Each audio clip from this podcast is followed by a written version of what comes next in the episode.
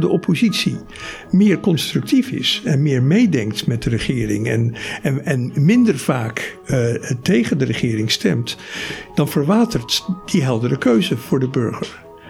Dus, en, en, uh, dus in die, die stelsels waarin wij ons ook bevinden, daar is het een, een heel lastig evenwicht. Want ga je, wordt het te veel één pot nat, dan zeggen kiezers van ja, of je nou door de hond of door de kat gebeten wordt.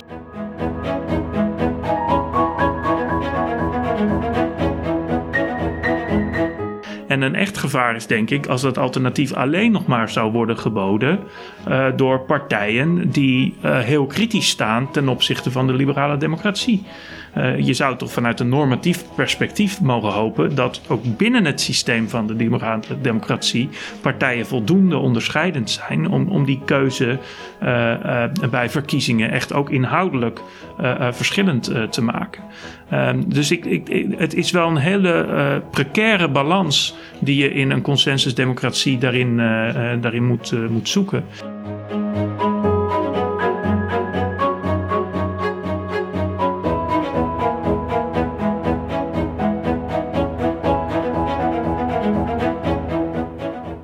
Dag allemaal, welkom bij de Stuk Rood Vlees podcast. Mijn naam is Armen Hakverdian, politicoloog aan de UvA.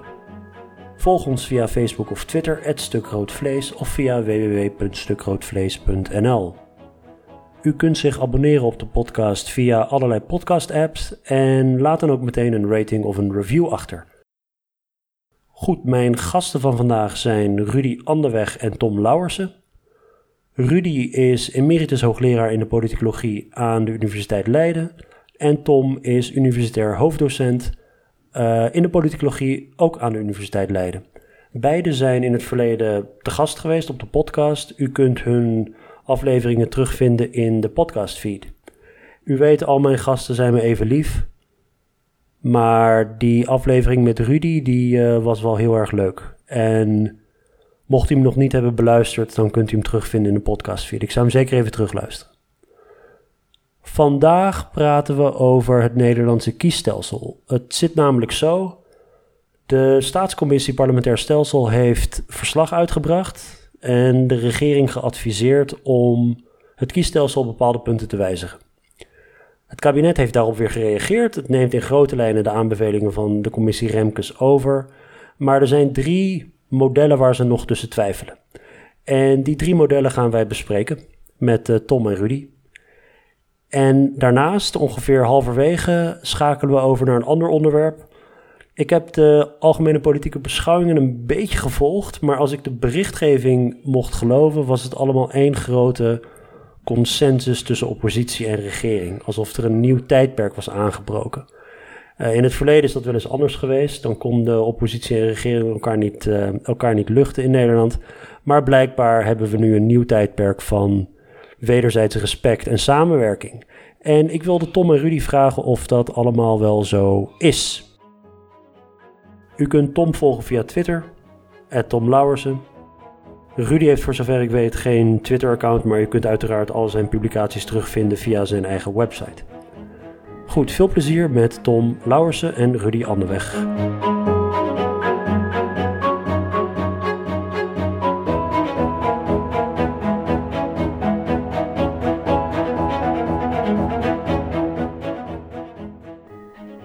Goed, ik zit hier met Rudy Anderweg en Tom Lauwersen. Welkom beiden. Um, Tom, wij komen net uit Den Haag. Uh, wat deden we daar? We waren bij een expertmeeting uh, in Den Haag waar verder werd gesproken naar aanleiding uh, van uh, de kabinetsreactie op het rapport van de staatscommissie Remkes over vernieuwing van het parlementair stelsel. en die aanbevelingen worden door het kabinet deels overgenomen en moeten deels ook nog verder worden uitgewerkt. En daar is men ook wel benieuwd naar wat verschillende experts daar in dit stadium nu van, van vinden. Ja. Dus daar hebben we over verder gesproken. Ja, er waren vier deelsessies. Eén ging over het kiesstelsel, één ging over het correctief referendum. Er ging er één over het constitutioneel hof en één over de wet op politieke partijen. Wij zaten alle drie in de deelsessie over het kiesstelsel. Um, Rudy, de staatscommissie, heeft gezegd dat het kiesstelsel in Nederland een aantal sterke punten heeft en een aantal punten ter verbetering. Kun je die even kort samenvatten? Nou, het belangrijkste sterke punt vindt de staatscommissie toch de evenredigheid. Ja. En nou ja, dat weten we ook uit het onderzoek wel, dat uh, er een zeker verband is tussen evenredigheid en uh, tevredenheid met functioneren van de democratie. Het wordt in verband gebracht met het feit dat uh, bij evenredigheid heb je nooit mensen die heel erg verliezen of heel erg winnen. Dus het is ook niet zo dat de verliezers heel erg verdrietig zijn en de winnaars uh, hemelhoog uh, naar huis gaan. en, en dat middelt zich een beetje uit en daardoor een zekere tevredenheid. Dus dat is een heel belangrijk sterk punt. Ook een, een lage drempel, dus nieuwe politieke ontwikkelingen kunnen makkelijk hun uh, vertaling vinden in het, uh, in het parlement. Uh, maar er zijn ook wat negatieve punten in de ogen van de staatscommissie. En de twee punten die zij vooral hebben uitgelicht zijn dat je maar beperkte mogelijkheden hebt om de personele samenstelling van de Kamer. Dus wel, wel de zetelverdeling over de partijen, maar niet precies de mannetjes en vrouwtjes die op die zetels gaan zitten. Dan heb je maar beperkte mogelijkheden als kiezer om daar invloed op uit te oefenen. En uh, er is ook maar beperkte mogelijkheid om uh, uh, voor een regionale binding uh, tussen Kamerleden en kiezers. Ja, en waarom schiet het huidige stelsel tekort met die voorkeurstemmen? Want je kan op dit moment kun je een stem uitbrengen op mensen op de lijst. Je hoeft niet per se op de lijsttrekker te stemmen of op de partij. waarom is dat niet genoeg om die persoonlijke stem uh, tot uiting te brengen? Nou, de, het is een beetje een ingewikkeld stelsel, want uh, eh, de meeste stemmen gaan uh, bij vrijwel alle partijen, er zijn gewoon enkele uitzonderingen ooit geweest, uh, naar, de, naar de lijsttrekker. En dat filtert zo omlaag. En dat betekent dat de meeste mensen via de lijstvolgorde in de Kamer komen. wil je die lijstvolgorde doorbreken, dan moet je meer dan een kwart van de kiesdeler zelf halen. En er zijn wel mensen die dat lukt. Hoeveel stemmen hebben we het dan over? Kwart van de kiesdeler? Uh, dan hebben we het over, wat was, de kiesdeler was de laatste keer zo'n 70.000 stemmen. Uh, dus daar, daar een kwart van. Ja. Dan heb je 17.000, die orde van grootte. Was, de, was de, de, de drempel om met voorkeurstemmen verkozen te raken. En dat gebeurt dan wel, maar dat gebeurt dan vooral door die mensen die toch al hoog op de lijst staan. Hè. Dus de laatste keer, als ik maar goed, goed de cijfers in mijn hoofd heb, waren er meer dan 40 mensen die die met voorkeurstemmen verkozen waren. Ja. Maar er waren maar drie die in afwijking van de volgorde die de partij had gemaakt verkozen werden. Dus dat betekent dat netto eigenlijk het effect niet zo heel erg groot is van die voorkeurstemmen. Terwijl er toch heel veel mensen een voorkeurstem uitbrengen. Ja. Ja, want je hebt in het verleden heb je onderzoek gedaan, onder andere met Joop van Holstein, naar de redenen waarom mensen eventueel voorkeurstemmen kunnen uitbrengen. Je had het net over dat, dat dus um, het kabinet graag wil dat er ook een regionale stem tot uiting komt. Herinner ik het me goed dat eigenlijk die regionale stem, als het gaat om voorkeurstemmen, niet zo goed tot uiting kwam? Uh, in, in het verleden, ik bedoel, mensen stemmen eigenlijk niet zo heel erg sterk op basis van regionale identificatie. Ja, dat is, een, dat is wel een beetje een, eh, een lastig punt. Want uh, het, het, klopt. Kijk, eh, in eerste plaats is. Uh, we stellen dan in het kiezersonderzoek vaak de open vraag: waarom heeft u op deze kandidaat gestemd? Mm. Uh, en dan komt regio daar wel naar voren, als, maar niet, niet heel uitgesproken. Dus Van Holstein en ik dachten van nou, dat dat speelt waarschijnlijk niet zo'n grote rol. En toen hebben wij, vonden we het toch wel heel knap van onszelf, hebben wij uh, de, de, de woonplaats van de, uh, van de kandidaat. En het stembureau, daar hebben we de afstand tussen genomen in kilometers. En gekeken of er een correlatie was tussen de afstand in kilometers. En hoe kleiner de afstand in kilometers, hoe meer voorkeurstem. En daar kwam niks uit. En, ja, ik moet toegeven, onze eigen promovendus eh, Marijn Nachtzaam, die zei van nou, dat is niet zo'n goede operationalisatie. Uh, je moet gewoon Oei. kijken of ze in dezelfde kieskring wonen als de kandidaat. En vond toen wel een heel duidelijk verband. Dus onze eerdere intuïtie of onze eerdere bevinding is gecorrigeerd door een beter onderzoek. Door een eigen promovendus. Uh, zo hoort het gaan in de wetenschap. Ja. Dus uh, als ik het goed begrijp, de, de, huidige stand van zaken is dat uh, mensen wel degelijk behoefte hebben om die regionale stem ja. te gebruiken. Klopt. Okay, ja. ja. Tom, de, het kabinet heeft in die reactie drie eigenlijk alternatieven aangegeven verder te willen onderzoeken. Dus de, de staatscommissie had heel nadrukkelijk een voorkeur voor het kiesstelsel dat ook in het burgerforum naar voren is gekomen.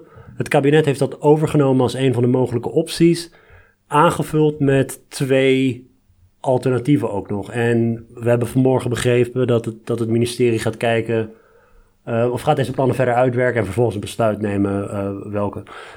Misschien moeten we even die drie kiesstelsels kort, kort langslopen. Ja, lijkt me goed. Uh, het Burgerforum. Het Burgerforum uh, kwam met een uh, idee, onder andere geïnspireerd op het kiesstelsel zoals dat in België bestaat. Waarbij je niet per se op een kandidaat hoeft te stemmen, maar ook op een partij of een lijst als geheel kan stemmen.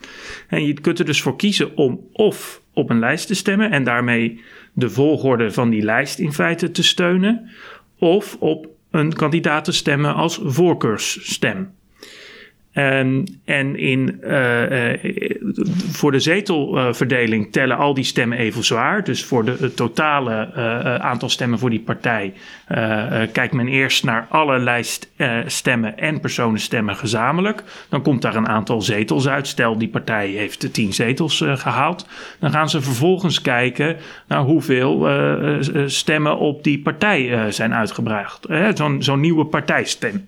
als dat bijvoorbeeld 50% is, uh, dan, dan zeggen ze nou, dan uh, zijn vijf zetels uh, voor die partij. De eerste vijf zetels, die halen we van de lijst zoals die door de partij is ingediend. Ja. En vervolgens zijn er nog vijf zetels over voor die partij. En die worden toebedeeld aan de overige kandidaten voor die partij in volgorde van hun aantal voorkeurstemmen. Ja. Dus daar zit dan geen drempel meer op, dat is puur gewoon hun, hun, volgorde.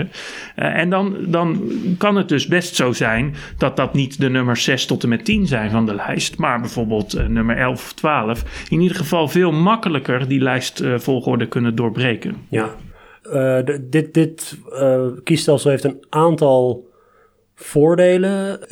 Eén is bijvoorbeeld dat het aan kiezers zelf de mogelijkheid geeft of ze, laten we zeggen, voor de status quo van een partij willen stemmen. Dus eigenlijk hun partij willen volgen en eigenlijk voor lief nemen wat de volgorde is. Uh, en als ze een voorkeurstem willen uitbrengen, wat dan een keuze is, die vrij is aan de kiezer, kunnen ze ook zelf bepalen of ze dat doen op basis van regio, op basis van geslacht, op basis van leeftijd, op basis van wat dan ook, naam, etniciteit. Het laat eigenlijk een, het is totaal flexibel voor de kiezer om zelf te bepalen wat de, um, ja, wat die, wat de aard is van die, van die verbindenis. Uh, dus het, het, is niet zo dat het de regionale identificatie boven, laten we zeggen, andere vormen uh, plaatst. En in België wordt het op dit moment gebruikt. Uh, jij vertelde uh, tijdens de lunch dat een, um, diezelfde promovendus, of die heeft gekeken of in Nederland überhaupt wel behoefte was aan zo'n uh, partijstem ten opzichte van de lijst, lijststem. Ja, hij heeft niet zozeer de behoefte gemeten. Nou ja, indirect wel, maar hij heeft gewoon uh, samen met een uh, promovendus uit Antwerpen, Patrick van Erkel, hebben ze een experimenteel survey uitgezet.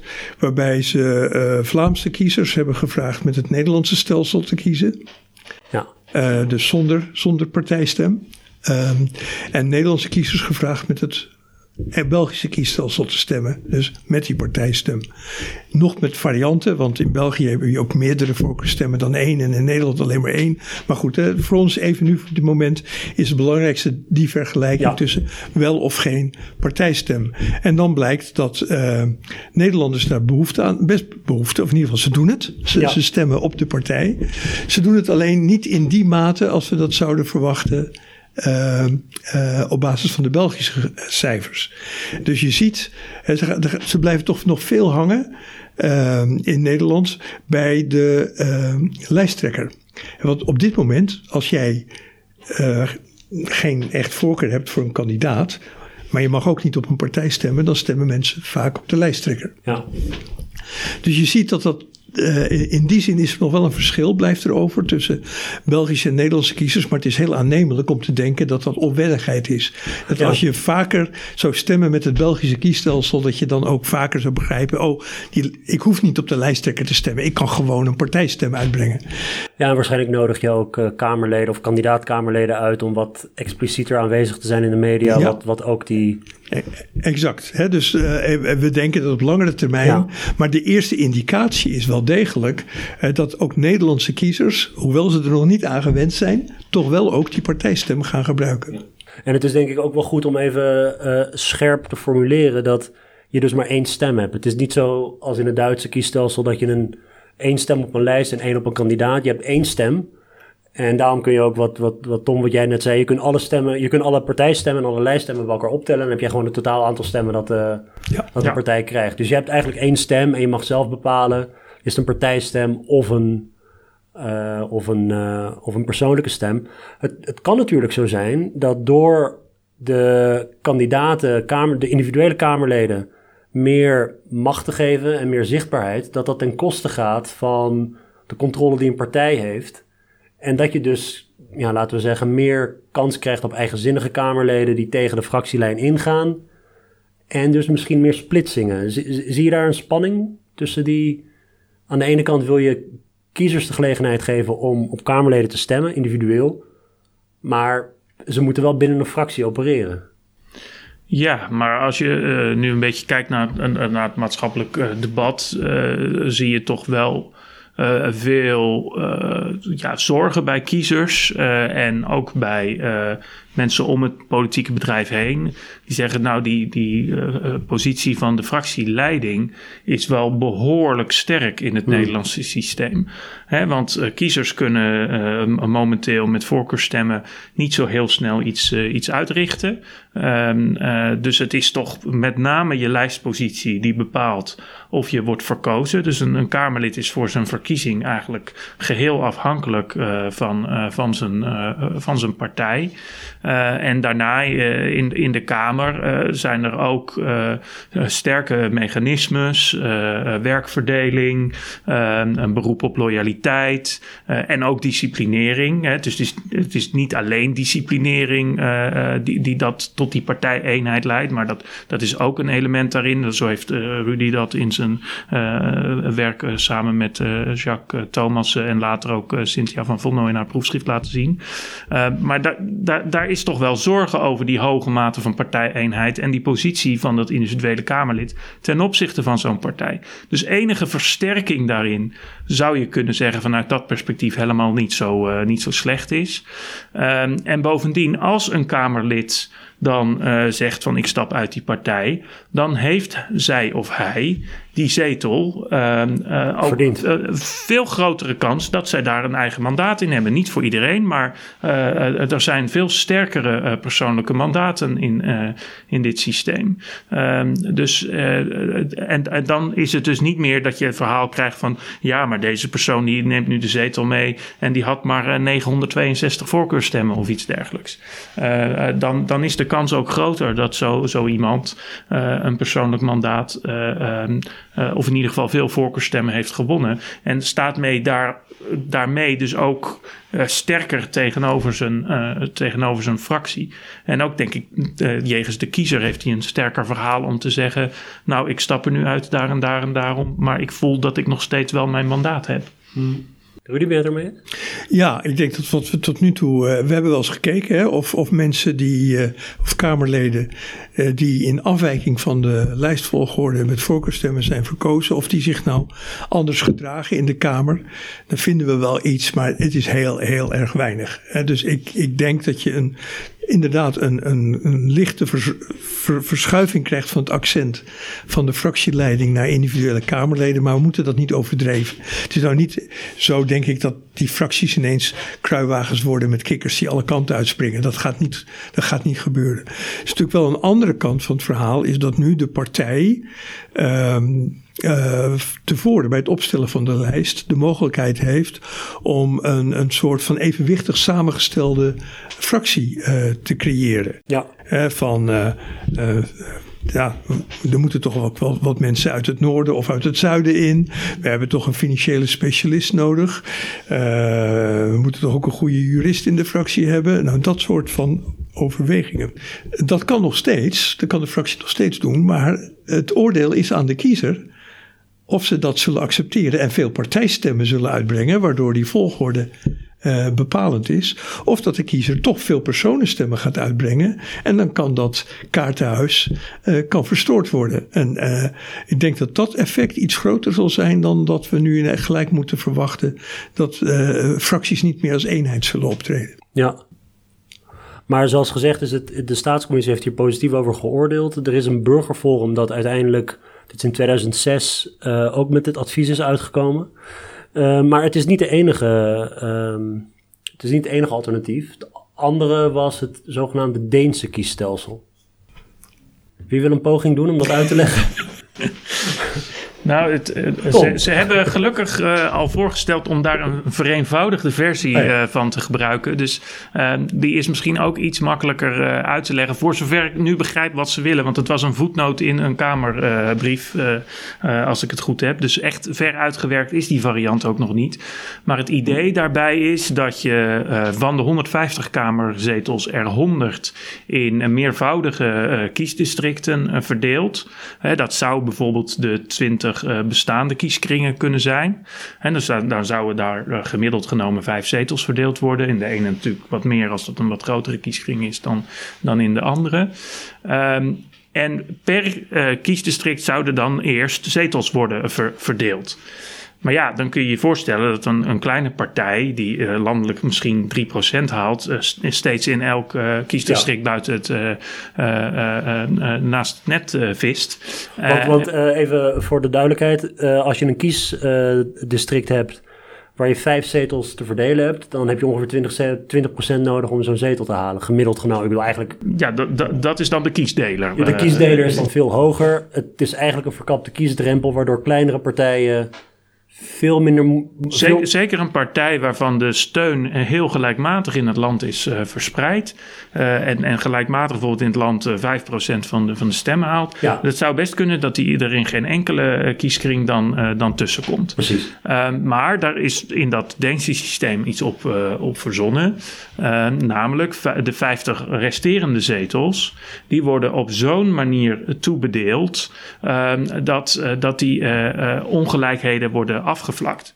Um, dus uh, eerst wordt gekeken van hoeveel stemmen een partij nou in totaal heeft gekregen in het hele land. Dan wordt op basis daarvan een, een zetelverdeling uh, gemaakt. Uh, en, en, stel bijvoorbeeld een partij heeft op basis van die verdeling recht op 10 zetels in het hele land. Dan gaat men eerst kijken hoeveel zetels heeft, heeft men nou al gewonnen binnen die kiesdistricten. Als dat er bijvoorbeeld drie zijn, dan worden die uh, van, die, van die tien uh, afge, afgehaald. En dan, dan, uh, dan, dan zijn er dus nog zeven compensatiezetels over voor, voor zo'n ja. partij. Um, dus dat is het idee achter dat, uh, achter dat Deense uh, kiesstelsel. De, het Deense kiesstelsel is in meerdere opzichten nog gecompliceerder. Zowel aan de kant van de kandidaatstelling als aan de kant van de, van de verdeling van zetels en compensatiezetels. Maar dit is ruwweg zoals dat, zoals dat systeem werkt. en het, het lukt daarbij redelijk goed om een behoorlijk proportionele uitslag te behalen.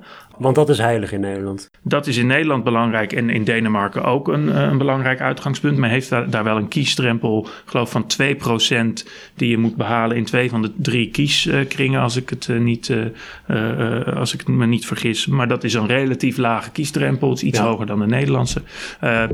maar die proportionaliteit vindt men daar ook belangrijk. En aan de andere kant behoud je toch een element van regionale vertegenwoordiging. Ja. want 100 van de, van de Kamerleden die worden in een specifiek kiesdistrict uh, verkozen. Ja, Rudy, dus dan heb je op een gegeven moment een situatie dat je als kiezer, stel je woont in een kieskring, uh, nou ja, we zitten hier in Leiden. Uh, ik weet, welke kieskring is dit? Leiden. De kieskring Leiden, nou, kijk eens aan. en dan uh, word je dus eigenlijk als kiezer ik kan niet stemmen op andere kandidaten in andere kieskringen, toch? Dus als er, een, als er een, van mijn partij een, een populaire of een leuke of een, uh, wat mij betreft, inhoudelijk ijzersterke kandidaat is, uit Utrecht, dan kan ik daar niet op stemmen. Nee, ik word verplicht om te stemmen op, op mijn kandidaat in mijn regio. Ja, dat klopt. Ja. Dus die regionale identificatie die wordt op deze manier ook een beetje uitgelokt. Nou, of verplicht zelfs. Ik nou ja, uh, ik zou het toch iets anders willen noemen. Je, je wordt verplicht om op, op kandidaat te stemmen die kandidaat is gesteld in jouw district. Maar dat hoeft niet per se een regionale kandidaat te zijn omdat ik op. Ja, de, partij kan besluiten om allemaal Amsterdammers hier in Leiden eh, kandidaat te stellen. Ja, eh, dus het hangt ook nog steeds af van de partij. Nou, is het natuurlijk wel, ligt het in de reden dat partijen dat niet zullen doen. Eh, die zullen dan heus wel een beetje rekening mee houden. GroenLinks misschien. Ja, ja. Nou, ja maar voor, voor kleinere partijen. Maar goed, kleinere partijen zullen meedoen. Die, Ja. moeten, die moeten wel meedoen, anders komen ze ook voor die landelijke compensatiezetels niet in aanmerking. Maar die eh, hebben natuurlijk weinig kans dat ze daar een zetel zullen halen. Dus die hoeven zich niet zo druk te maken over de regionale component. Ja.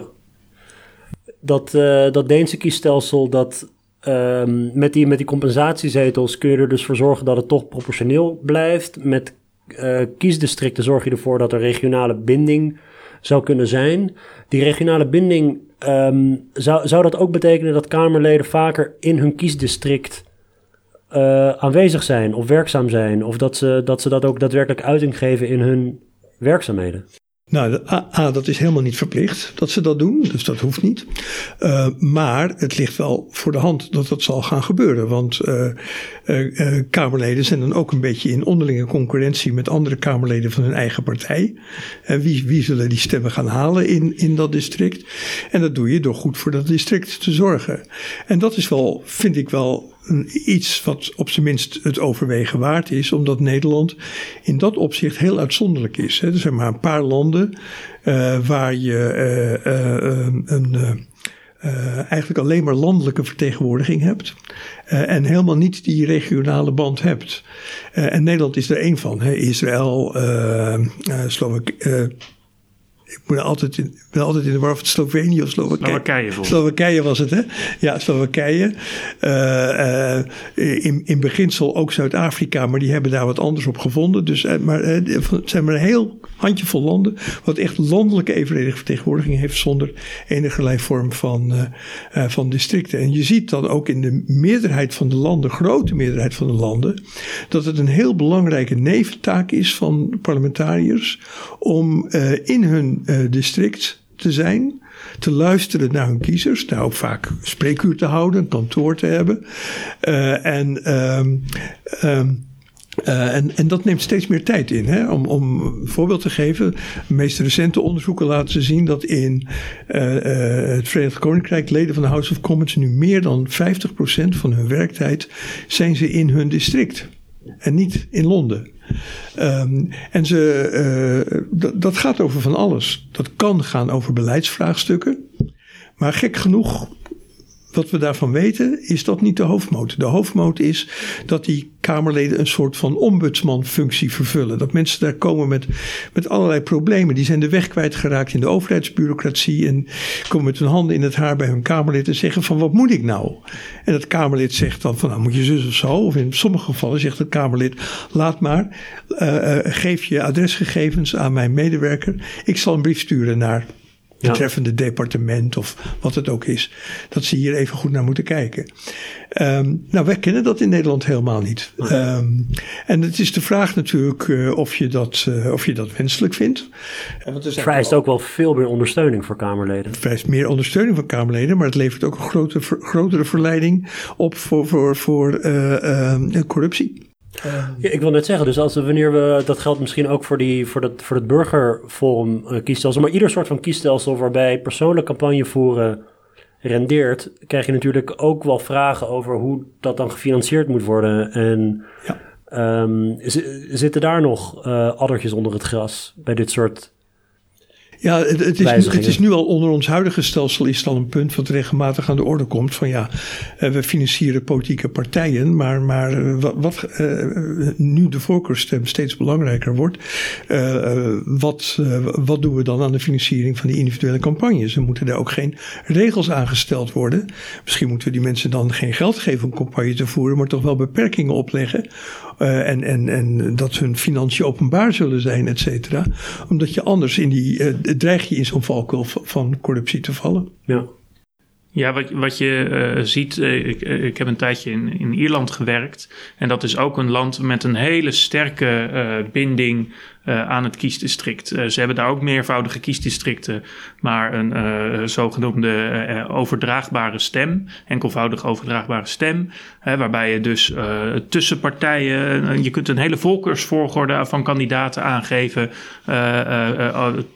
en daarbij een, een, kandidaat, laat ik maar zeggen, van de Partij van de Arbeid op één zetten en een VVD er op twee en een CDA er op drie, hoe je wil. en dat leidt ook tot een heel sterke regionale binding. Maar dat leidt ook weer, en, en daar zijn zorgen over in dat Ierse systeem, tot misschien wel een te sterke regionale verbinding die in, tot cliëntelisme uh, leidt, waarbij je mensen misschien niet heel direct, maar toch wel indirect dingen gaat beloven over van ja, nee, ik ga goed voor het uh, district zorgen, maar misschien ook wel heel goed voor uh, deze bepaalde persoon in, in dat district. Ja. En, en dan ga je natuurlijk een, een grens over. En dat, ja, dat, dat bevorder je natuurlijk dan ook weer met zo'n regionale component. Ik wil niet zeggen dat dat meteen een enorm probleem wordt. Hè, dus dat moeten we misschien ook niet, uh, niet overdrijven. En ik denk dat uh, een, een, zekere vorm van regionale vertegenwoordiging wellicht meer voordelen dan, dan nadelen biedt. Maar als je dat wellicht te sterk maakt, dan, dan krijg je dat andere probleem er weer bij. Ja, een andere overweging is nog als je dat gaat doen, is de vraag of ons parlement groot genoeg is. Hè? Want we hebben nu een, een, vrij klein parlement, ook relatief gezien, ten opzichte van de omvang van de bevolking of de omvang van het electoraat. Uh, en, en dat afzet tegen andere landen. Uh, en uh, die Kamerleden die, die maken lange werkweken. dat gemiddeld genomen 65 uur per week. Uh, blijkt uit als we ze daarnaar vragen. En uh, als ze dan zeg maar de helft van hun werktijd ineens in hun district gaan doorbrengen. Uh, wie gaat dan het werk op, opvangen wat blijft liggen in Den Haag? He, dus de meeste landen die zo'n systeem hebben, hebben dan ook grotere parlementen om ja. dat mogelijk te maken. Grotere parlementen, grotere ondersteuning. Er komt misschien ook bij dat je een, een regionaal kantoor hebt en ja. niet alleen een niet alleen een Twitter-account waar mensen dingen kunnen, kunnen noemen, maar dat, dat maar goed, niemand, niemand zegt dat democratie goedkoop hoeft te zijn. um, nou ja, maar in deze discussie is wel steeds één harde voorwaarde. Het aantal kamerzetels ja, moet op 150 waar, ja. blijven. En de vraag is, of dat nou zo goed verenigbaar is met het echt willen versterken van die regionale vertegenwoordiging. Ja. er wordt voorgesteld, we nemen het, het Deense systeem over. Maar Denemarken heeft meer dan 175 parlementariërs. Voor, eh, voor een, uh, een, een, land wat toch aanzienlijk uh, kleiner is dan, dan Nederland. Ja. Um, als je uh, de wetmatigheid volgt, die daar zo'n beetje niet helemaal, het is natuurlijk niet een echte wetmatigheid, maar de trend die je ziet in, in andere landen, dan zouden wij voor een, een, een bevolking van 7 17 miljoen mensen ongeveer een, een parlement moeten hebben van rond de 225 uh, uh, uh, Kamerleden. Dus het is, het is zo'n beetje nog de helft erbij. en, en dan zou je ook misschien beter aan kunnen sluiten bij dat element van regionale vertegenwoordiging en de tijd die dat kost om dat op een goede manier vorm te geven. Ja. Misschien even heel kort de derde variant. Dat was om uh, met, uh, meer te doen met de kieskringen. Ja, dat was een variant waar de, staatscommissie ook al op zin speelde in een soort bijzin van uh, het idee van nominatiedistricten, wat, wat ook in, uit dat Deense systeem komt. Um, en dat komt er in feite op neer, als ik het ook goed uh, begrijp, dat ze de, de, de, kiest, de kieskringen weer belangrijker maken. Want we zeggen altijd wel eens in Nederland zijn er geen kiesdistricten, maar er zijn wel twintig kieskringen die om administratieve redenen nog belangrijk zijn, enigszins. Uh, en je kunt in elk van die twintig kieskringen als partij een andere lijst indienen. Dat, dat doen partijen steeds minder.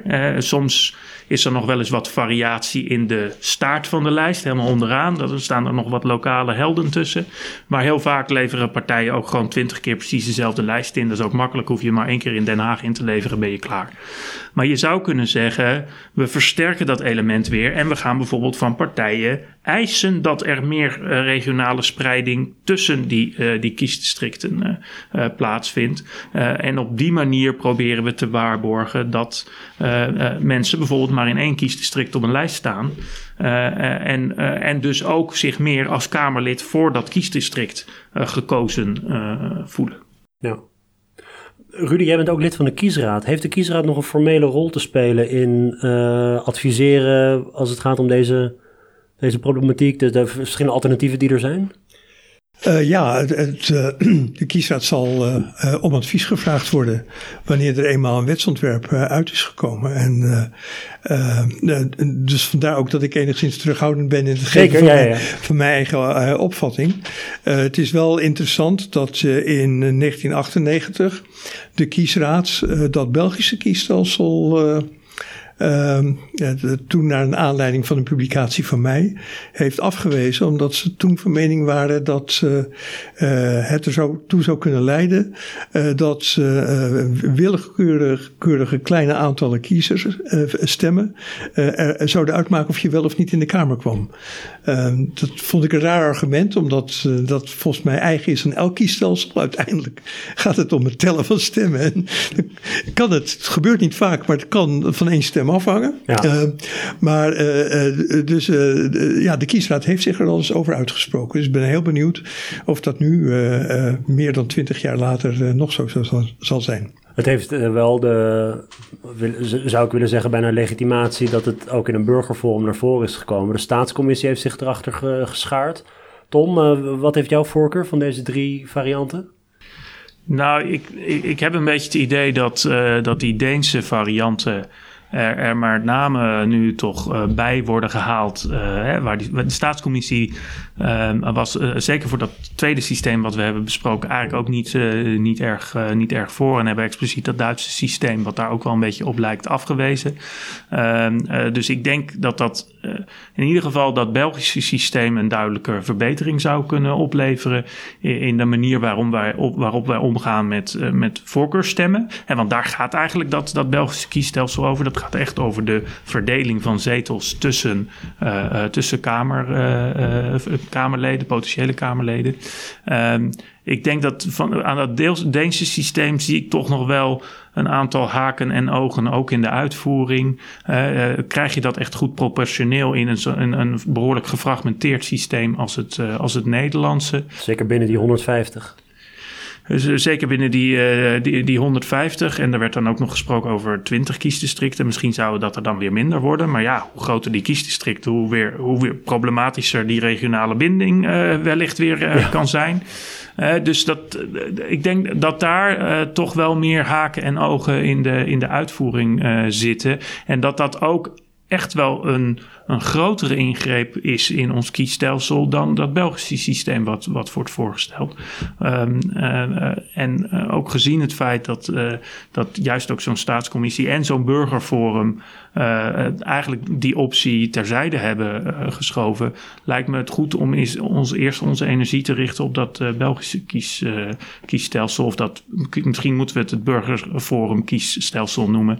Um, uh, en, uh, want dat is denk ik een goed haalbare kleinere hervorming die toch burgers meer directe, directe invloed geeft op de samenstelling van het parlement.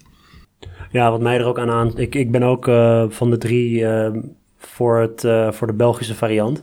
En het spreekt me gewoon aan dat je niet wordt gedwongen als kiezer te kiezen op basis van regio, maar dat het open wordt gehouden of jij, hoe jij vormgeeft aan die of invulling geeft aan die, uh, aan die binding. Uh, los van alles wat we nog, nog meer hebben besproken. Um, misschien een uh, overstapje nu naar het ehm, tweede onderwerp wat ik met jullie wilde bespreken. De relatie tussen regering en oppositie. We hebben vorige week algemene beschouwingen gehad. En als ik de berichtgeving daarover een beetje mag samenvatten. Eén grote Hosanna-stemming over de constructieve opstelling van de oppositie en misschien kunnen we beginnen met wat, wat nou precies de rol is van een oppositie in een parlementair stelsel. Want je zou kunnen zeggen, nou ja, de oppositie is eigenlijk een alternatieve regering. Maar zo simpel is het niet uh, in een proportioneel stelsel als het onze. Rudy, kun jij daar misschien een aanzet voor geven? Hoe, hoe, hoe moeten we nadenken over dit fenomeen van een oppositie tegenover een regering? Ja, ik ben het eens met zoals je het verwoordt. Want in, in een land als Engeland is dat de functie van de oppositie.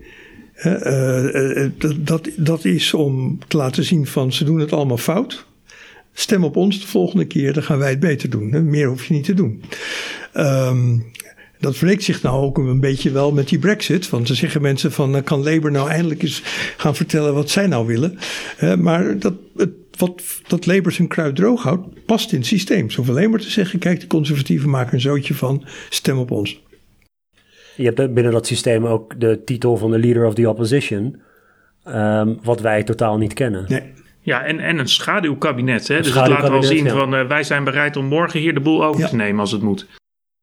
We staan er klaar voor. Hè? Ja. Uh, dus dat, uh, nou, dat is bij ons niet zo. En dat betekent dat als je in de oppositie bent, uh, dat je weliswaar kritisch bent op de regering, want je zit daar niet in, maar tegelijkertijd ook moet bedenken dat als er weer verkiezingen zijn geweest en jij in de regering wilt komen, dat de kans het grootste is dat je dan zult moeten samenwerken met sommige partijen die nu in de regering zitten. En dat zet een rem op het uh, alleen maar nee zeggen tegen voorstellen van de regering. Uh, je stelt je eerder constructief op. Um, het is wel opvallend dat in Nederland, en daar heb ik niet zo gauw een verklaring voor, dat dat zich zelfs uitstrekt tot kleinere partijen die eigenlijk geen kans hebben om ooit in de regering te worden opgenomen. In de tijd dat de CPN nog bestond, heeft de CPN in de hele eh, in de naoorlogse periode van haar bestaan uh, slechts in 18% van de stemmingen tegen de regering gestemd. Dat, nou, hè, de kans was niet zo groot dat de CPN bij de volgende kabinetsformatie zou worden uitgenodigd om mee te doen. Dus dat, uh, dat, dat, dat heeft een heel andere cultuur gevestigd in, in Nederland. Waarbij partijen een soort van wankel uh, ja, uh, evenwicht proberen te bewaren tussen aan de ene kant kritisch zijn, want de kiezer moet wel begrijpen waarom ze de volgende keer niet meer op die regeringspartijen moeten stemmen, maar op jou. En tegelijkertijd ook voldoende constructief zijn, zodat die partijen zullen zeggen, nou, uh, die partij die, die toen in de oppositie zat, misschien moeten we die er dit keer eens bij vragen ja. om aan de meerderheid te komen. Maar je hebt als regering, heb je eigenlijk, je bent de facto homogener als regering dan als oppositie, want je hebt een regeerakkoord dat in Nederland een heel belangrijke status heeft. Maar je hebt niet zoiets als een oppositieakkoord. De oppositie in Nederland is verschrikkelijk divers. Dus je had het net over de constructieve oppositie tegenover misschien een kritische oppositie. Hoe, hoe kunnen we nadenken over die verschillende soorten oppositiepartijen in Nederland? Want je hebt natuurlijk de, de SGP's van deze wereld, die ja, eigenlijk verkapte regeringspartijen zijn zonder in het kabinet te zitten. Maar je hebt ook partijen als de PVV of de SP die toch veel veel uh, kritischer uh, en ook, ook, waarschijnlijk als het gaat om kamervragen of andere instrumenten, toch anders omgaan met die oppositietaken dan um, andere oppositiepartijen. Nou, ik, eh, eh, eh, Simon Otjes en ik zelf hebben enige tijd geleden wel gekeken naar het soort instrumenten wat oppositiepartijen gebruiken. En met name de vraag of populistische partijen daar dan andere keuzes in maken. en dan zie je inderdaad dat partijen als PVV en, en SP in, in, in de, in de ja, ongeveer tien jaar periode voorafgaand aan ons onderzoek ehm, toch vooral gebruik maken van, uh, van instrumenten uh, om de, de regering kritisch uh, te volgen en uh, het, het vuur aan de schenen te leggen. Dus die stemmen vaker tegen wetgeving, die stellen veel schriftelijke en mondelinge vragen. Het zijn echt instrumenten direct meer rakend aan de controlerende taak van, van het parlement. En er is ook een categorie partijen waar bijvoorbeeld de SGP en, in mindere mate de ChristenUnie uh, invalt. Die kiezen vooral voor instrumenten als een amendement of een motie of een initiatiefwet. Een meer constructieve vorm uh, van, van oppositie zou je uh, kunnen zeggen. Uh, waarmee ze echt ook beleidsinhoudelijk iets op de kaart willen, willen zetten. En er is ook nog een categorie die doet het allebei. Hè? Dus die is heel actief en die stelt zowel kritische vragen als uh, dat ze een, een, eh, een, een alternatief uh, willen, willen bieden. En daar zitten bijvoorbeeld uh, partijen als, GroenLinks, soms ook de SP. en en um, D66 in de oppositie. en dan is er ook nog een categorie, een, een kwadrant, die eigenlijk überhaupt niet zoveel doen.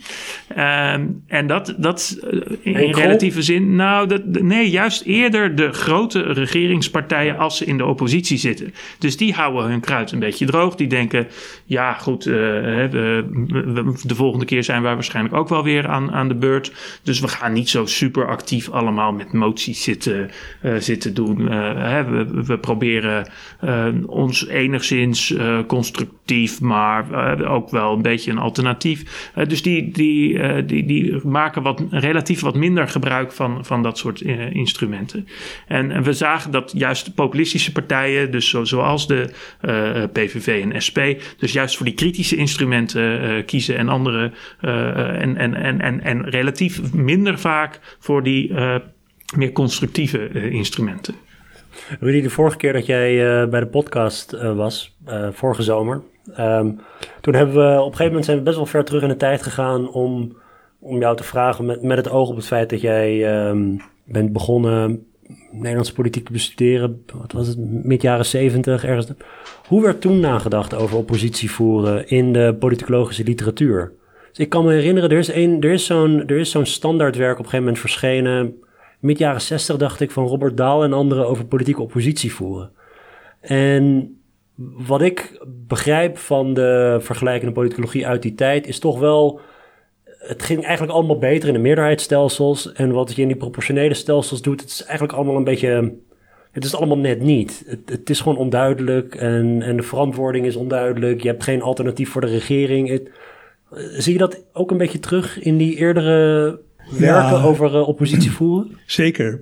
Uh, dat boek van Daal is een, natuurlijk een heel mooi boek. Er zit een inleiding in van, van Daal zelf waarin hij zegt dat ja, eigenlijk uh, oppositie een van de grootste uh, uitvindingen is uh, in de politieke geschiedenis. Hè? Want ja, regeringen zitten helemaal niet te wachten op oppositie. Daar hebben ze alleen maar last van. Hè? Dus waarom zouden zij dat gedogen? Waarom zouden ze in Engeland zelfs zo'n mooie titel verzinnen als Her Majesty's Most Loyal Opposition? Hè? Dat, dat, um, dat is nergens, nergens voor nodig. Maar in, en, en dan gaat Daal uitwerken waar die oppositie dan voor is. En dan is het toch vooral omdat er in een democratie keuze moet zijn. Uh, en uh, dat er dus dan een alternatief moet zijn. Ja. Uh, wat, waar de kiezer dan al of niet op kan kiezen. Als dat alternatief er niet is, dan is er niet een echte keuze. Dus dat hele boek ademt daardoor die teneur van, um, van het meerderheidsstelsel. Vandaar is een oppositie voor om, om de regering kritisch te volgen, hoeft zelf geen voorstellen te doen, hoeft zelf niet constructief te zijn, maar uh, uh, is wel het alternatief. Um, er zitten natuurlijk ook hoofdstukken in dat boek van, uh, over Nederland en over België en zo, die daar dan vraagtekens bij plaatsen. Maar ja, die voldoen dan toch niet aan het idee van, van Daal. Want naarmate de oppositie meer constructief is en meer meedenkt met de regering en, en, en minder vaak tegen de regering stemt, dan verwatert die heldere keuze voor de burger. Dus, en, en, uh, dus in die, die stelsels waarin wij uh, ons ook bevinden, daar is het een, een heel lastig evenwicht. Want ga je, wordt het te veel één pot nat, dan zeggen kiezers van ja, of je nou door de hond of door de kat gebeten wordt. Uh, dat, en, en, politieke uitdagers, die kunnen daar uh, precies, die, die, die, kunnen dan uh, op antisysteempartijen gaan stemmen, want anders heb ik toch geen keuze. maar als je te veel die, die kritische kant op gaat, dan maak je jezelf een onwaarschijnlijke coalitiepartner in volgende, na een volgende verkiezing. Ik heb ook altijd het idee bij die, um, bij die meerderheidslogica. Het gaat allemaal uit van complete verversing van een regeringsploeg door nieuwe partijen. En dan, uh, het gaat niet uit van een situatie zoals we in Nederland hebben. De partij als de VVD heeft de afgelopen kwart eeuw, wat zal het zijn, twintig jaar in de regering gezeten. Um, uit mijn hoofd hoor, ik weet niet. Maar ik denk dat ze... Um, het, het, is, het is ja, zo aannemelijk. en de vier niet. Alleen, ja, ja, dat was vrij kort. Dus van, vanaf paars 1 tot nu eigenlijk altijd in de regering, behalve Balken en de 4, de VVD. Nou goed, iedere keer met iets andere samenstelling. Maar het is, in Nederland is het nooit voorgekomen dat je een complete uh, ommezwaai hebt. Uh, ik kan me zelfs herinneren dat volgens mij in het boek van, van Huntington over golven van democratisering definieert hij democratie als een systeem waarin je een complete uh, regeringswissel hebt of iets. Het, het, is in ieder geval een systeem dat een, een, een idee dat enorm ingebakken zit in bepaalde meer anglo-saxische werken. Dat je um, ja. Ja, dat je tweemaal een, een, een vredelievende transitie van, van macht uh, moet, uh, moet, moet hebben. Maar transitie van macht is zwart-wit. Ja. heel zwart-wit ingestoken. Er, zijn, er is niet zoveel ruimte voor grijstinten in die nou ja, volgens zo'n definitie kunnen we ook nog niet zeggen of, of Zuid-Afrika een democratie is. Want sinds, uh, sinds iedereen daar stemrecht heeft, is er nog maar één partij aan de macht geweest. Ja. Uh, dat volgens mij ook de beperking van zo'n definitie. Want je kunt pas achteraf gaan zeggen of een land ooit al democratisch was. Dus ik vind het eh, in die zin ook een, een, een lastige uh, definitie. Maar ik snap wel uh, het belang uh, wat men geeft aan het hebben van een alternatief. en ik denk dat, dat in Nederland wel het gevaar is ehm, van ehm, te veel uh, het ja, zeggen van ja, we gaan allemaal samenwerken en we zijn allemaal ontzettend constructief. Dan dan, dan krijg je toch, uh, ja, schep je in ieder geval snel de indruk, zeker bij kiezers die wat meer, minder politiek betrokken zijn. En dat vergeten wij misschien als politicologen wel eens, maar sommige mensen die kunnen je echt het verschil tussen de Tweede Kamer en de regering niet goed uitleggen. Um, dus ja, eh, als, als, als die dan partijen ook nog allemaal een beetje hetzelfde uh, roepen, ja, dan, dan, dan komt al snel de vraag: waar is dan het alternatief? En een echt gevaar is, denk ik, als dat alternatief alleen nog maar zou worden geboden door partijen die uh, heel kritisch staan ten opzichte van de liberale democratie. Uh, je zou toch vanuit een normatief perspectief mogen hopen dat ook binnen het systeem van de democratie partijen voldoende onderscheidend zijn om, om die keuze uh, bij verkiezingen echt ook inhoudelijk verschillend te maken. Um, dus ik, ik, het is wel een hele uh, precaire balans die je in een consensusdemocratie daarin, uh, daarin moet, moet zoeken. Um, en ik ben ook wel geïnteresseerd zelf, en ik heb gelukkig de, de kans krijg ik van, van NWO om in een VIDI-project daar onderzoek naar te doen, naar hoe burgers daar nou precies tegenaan kijken. Uh, want uh, kijk, je weet van burgers, we hebben uh, samen met Kantar toevallig in, uh, in april hadden we wat vragen uh, mee laten lopen in hun enquête. En een van die vragen vroeg naar of, of ze het nou goed vonden dat uh, de oppositie samenwerkte met de regering om in de Eerste Kamer wetten tot stand uh, te brengen.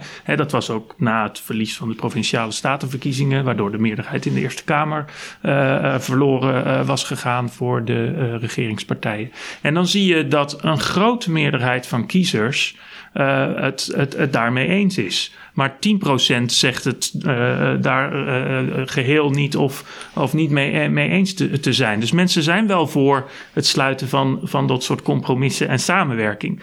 Al zie je dat kiezers op VVD, PVV en Forum daar iets kritischer ten, tegenover staan. Maar ook daar zie je hele grote groepen die zeggen: Nou, er is best ruimte voor, voor compromissen. Dus dat zie je aan de ene kant. Maar aan de andere kant zie je ook burgers die heel kritisch zijn over het is allemaal maar één pot nat.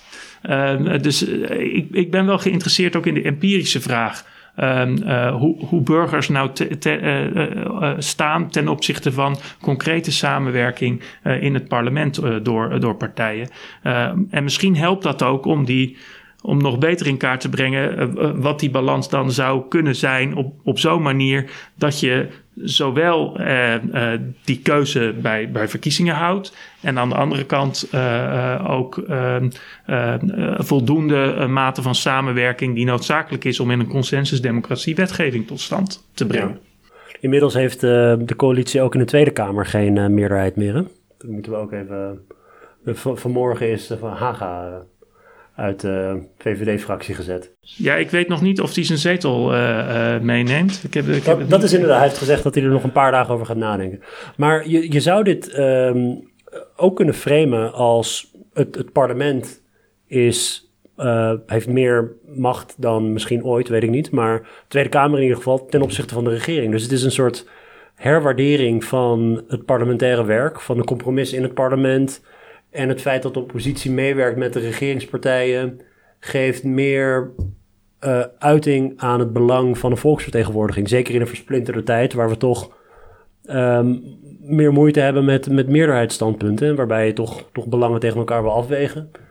Is dat een glas half vol manier om te kijken naar de huidige situatie? Ja, dat zou je kunnen doen. Maar kijk, als het uh, werkelijk zo is dat, uh, en dat moeten we dus nog even afwachten, dat de regering zijn meerderheid in de Tweede Kamer kwijt is, dan vind ik het wat anders. Maar tot nu toe was het zo dat de regering was zijn meerderheid kwijt in de Eerste Kamer. Ja.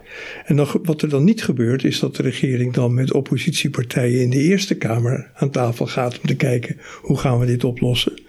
Uh, maar dat doet ze met uh, de fractieleiders van de oppositiepartijen in de Tweede Kamer. En dat heb ik altijd een rare figuur gevonden. Dat je, omdat je geen meerderheid hebt in het ene huis van het parlement, ga je samenwerken met de oppositie in het andere huis. Ja. Uh, dat, dat wringt voor mij. Dat is staatsrechtelijk onzuiver. En die samenwerking vindt dan ook niet plaats door een, uh, een debat in de Kamer of in Kamercommissies. Maar dat gebeurt allemaal in besloten zaaltjes achteraf. Want het is eigenlijk een soort mini-coalitieonderhandeling uh, op één bepaald uh, punt. Of, of, of, een, of, een begroting of een budget of, of een ander plan. Dan, dan wordt er weer een beroep gedaan op de beslotenheid om samen tot een compromis te komen. En dat is het dan. dus ja, of dat nou een model is wat op langere termijn burgers meer tevreden gaat, gaat maken. Of dat het juist eh, mensen alleen maar bevestigt in hun vermoeden. Ja, het maakt allemaal niks uit. Want vervolgens gaan ze allemaal in een kamertje zitten en dan komt er uh, uh, weer hetzelfde uit. dat gevoel, wat zeker niet bij alle kiezers leeft, maar wel bij een significante groep kiezers die, die behoorlijk ontevreden is. Ja, dat, dat neem je daar niet, niet mee weg.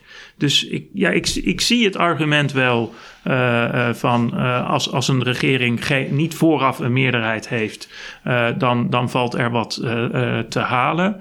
Maar dan, dan denk ik dat het wel zuiverder zou zijn, zou zijn omdat debat dan ook gewoon te voeren in uh, het instituut wat we daarvoor hebben ingericht, uh, het parlement. Uh, en daar dan gewoon met in, bijvoorbeeld in commissies met een open uitwisseling van argumenten te kijken op welke manier een wetsvoorstel van een minderheidsregering bijvoorbeeld wel een meerderheid zou, zou, zou kunnen halen. Ja. Of het in de politieke praktijk zo werkt dat weet ik niet, maar uh, dat zou wat mij betreft wel een meer zuivere uh, manier zijn die misschien uiteindelijk ook op meer waardering van kiezers kan uh, rekenen.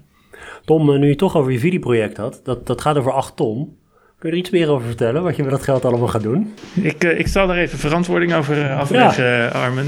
nou, dit, dit, is, dat is een leuk project wat... Um, dus vraagt naar de samenwerking tussen regering uh, en, en, oppositie. En ja, het belang uh, daarvan en van die balans tussen wel of niet samenwerken hebben we hier net al, net al aangestipt.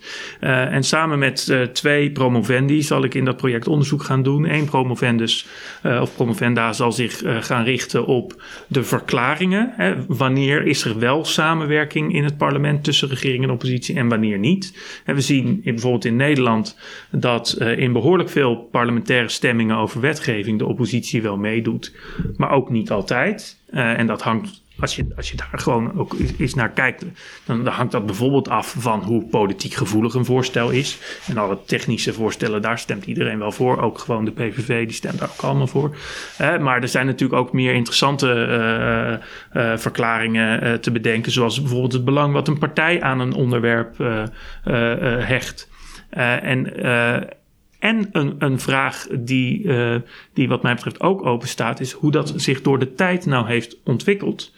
Uh, want uh, er, er, wordt wel geschreven dat er in toenemende mate sprake is van een, een onduidelijke uh, rolverdeling tussen een uh, regering en oppositie. Rudy Anderweg noemt dat wel de verwatering of blurring of opposition.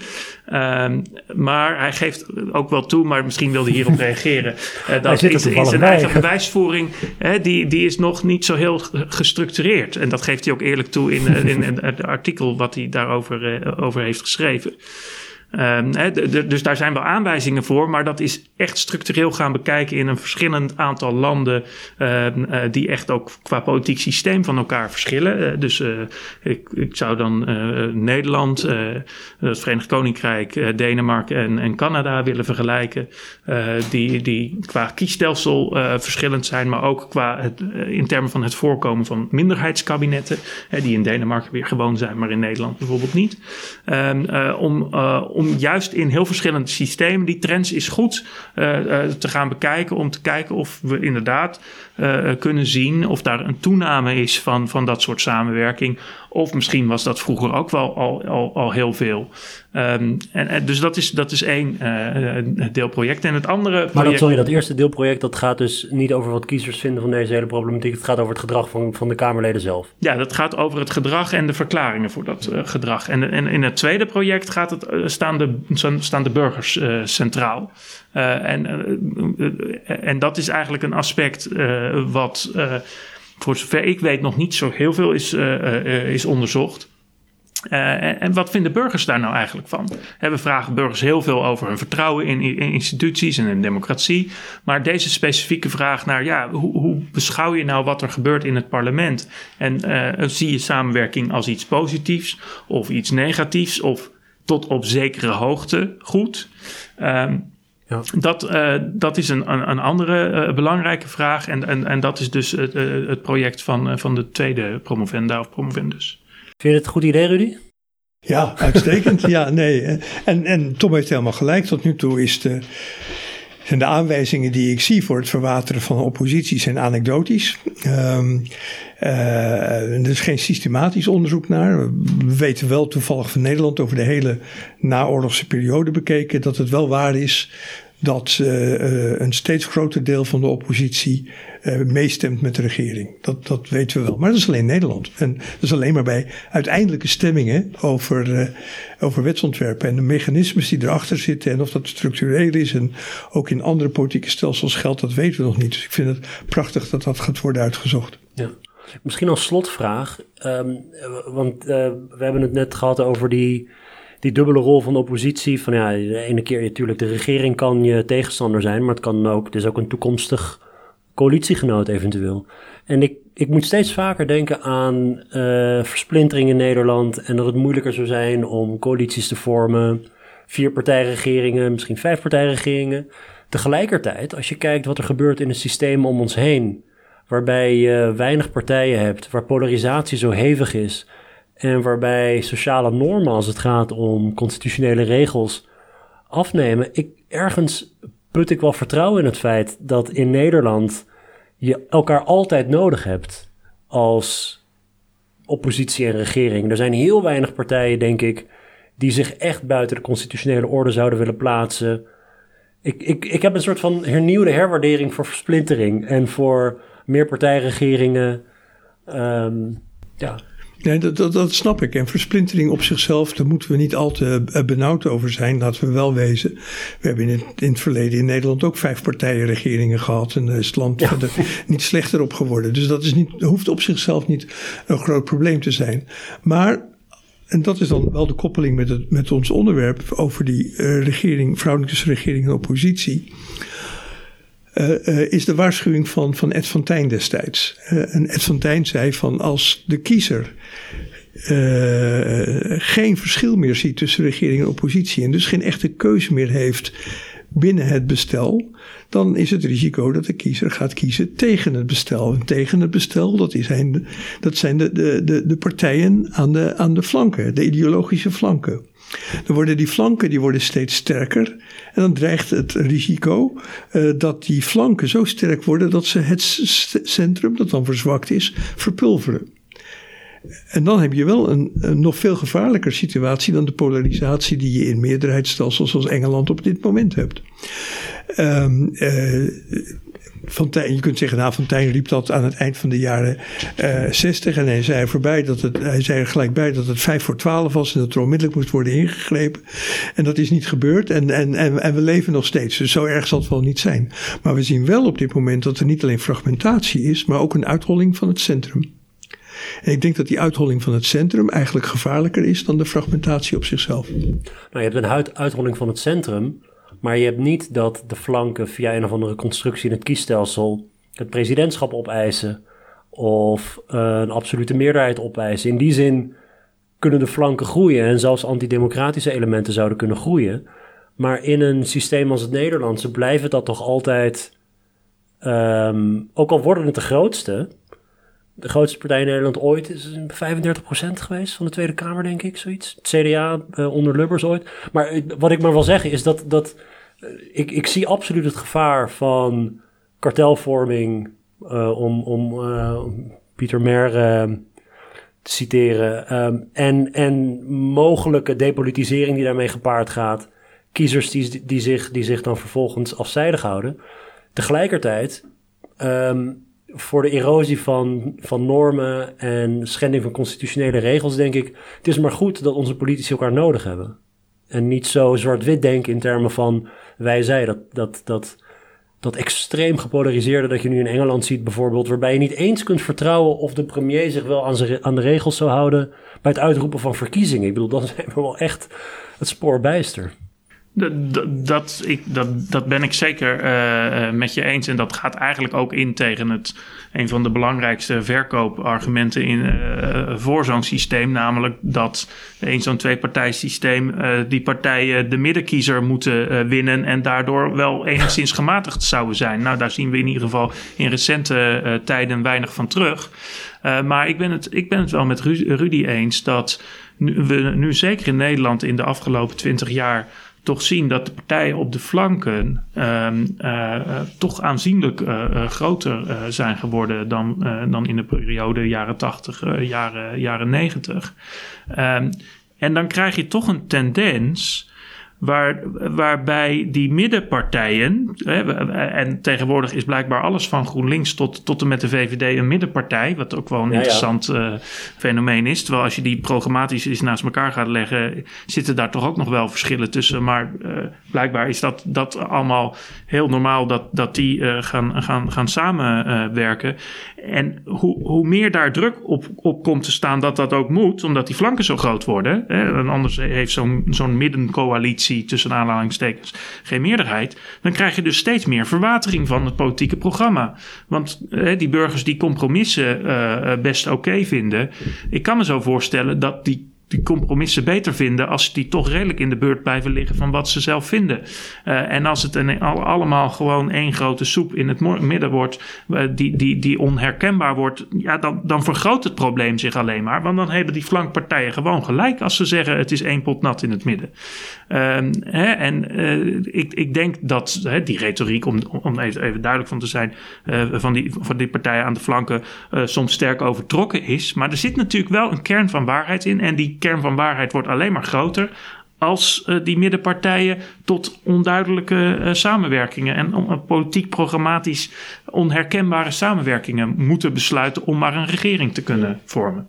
Het is wel interessant wat je zegt, dat iedereen tegenwoordig een middenpartij is. En ik, als, jij, als je volgens mij, als je, een, als je een ranking zou maken van politieke partijen op hun economisch programma, links-rechts, is de partij, is de, sorry, de VVD is waarschijnlijk de meest rechtse partij die we hebben. Misschien op het forum, ja, weet ik niet precies. Maar hoe dan ook, dat die partij nou ineens een middenpartij is. Uh, terwijl ze programmatisch gezien, als het gaat om economische onderwerpen, toch behoorlijk rechts staan. De SP is op genoeg onderwerpen een vrij middle-of-the-road partij. Op een paar misschien niet. Dat, ik bedoel, het is volgens mij een soort synoniem geworden, middenpartij. Of ik ben een middengroep of een middeninkomen. Of een, als een soort, ik ben redelijk. En aan de ene zijde zijn er, uh, zijn er mensen die aan het schreeuwen zijn. Aan de andere zijde zijn er mensen die aan het schreeuwen zijn. Maar ik zit lekker in het midden. Maar. Nou ja, en, en, en, veel mensen vinden het natuurlijk ook van zichzelf dat zij het redelijke midden vormen. Hè. De, de, het klassieke voorbeeld is de Centrum-Democraten. Die noemen zichzelf zo omdat zij zichzelf eigenlijk toch een, een, een, een behoorlijke uh, middenpartij vonden. En ja, alle andere mensen keken daar anders tegenaan. Rudy, het laatste woord is aan jou. Nou, het, ik ben het eens dat het woord middenpartij, dat is een beetje dat, dat is zelf een beetje blurry geworden. Uh, maar uh, misschien is een beter onderscheid wat, uh, wat Pieter Mer, je citeerde hem zojuist, ooit heeft gemaakt. tussen partijen. die, die zegt, de partijen moeten twee dingen doen. Ze moeten representative zijn, ze moeten de mensen vertegenwoordigen. En moeten daar naar luisteren, responsief zijn. Uh, maar tegelijkertijd moeten ze zich ook verantwoordelijk opstellen. Uh, in de zin van zorgen dat de economie een beetje uh, blijft lopen. Zorgen dat internationale verdragen gehonoreerd worden. Dat de rechtsstaat in stand blijft, et cetera. En dat is voor partijen best lastig om die twee dingen samen te brengen. En je ziet in toenemende mate dat het partijstelsel in twee delen uiteenvalt. Er zijn partijen die toch uiteindelijk meer het accent leggen op verantwoordelijk zich gedragen. Zelfs als dat betekent dat ze dan maar niet luisteren naar de kiezers op dat punt. En je hebt partijen die vooral zeggen: ja, we luisteren naar de kiezers. En uh, internationale verdragen en wat al niet meer. Dat zal onze worst zijn. Daar hebben we niks mee te maken. En ik denk dat dat de werkelijke tegenstelling is. En dat we zien dat die partijen die responsief willen zijn ten koste van de verantwoordelijkheid, hè, dat zijn de flanken. Uh, en die partijen die zeggen: nee, wij, wij willen toch gewoon verantwoordelijk uh, ons opstellen. Uh, dat zijn die partijen die in het nauw zijn gedreven en steeds meer samenklonteren. En, en ja, dan krijg je een soort van zelfversterkend effect, waarbij zij steeds vaker het de nadruk moeten leggen op: van ja, dat moet van Europa, dat is een internationaal verdrag waar we ons aan moeten houden, et cetera. Terwijl die partijen op de flanken steeds vaker roepen: je moet luisteren naar de kiezers. En de kiezers die zeggen toch dit en dat. Uh, uh, dat, is, dat is de werkelijkheid van vandaag de dag. En die spanning wordt steeds groter. En dat vind ik best een, een, een, ja, dat is best spannend hoe die spanning uiteindelijk zal worden opgelost. En hoe partijen daar in dat onmogelijke spanningsveld opereren. Heel erg bedankt allebei voor deze, deze toelichting. En uh, bedankt voor het luisteren. En uh, tot de volgende keer.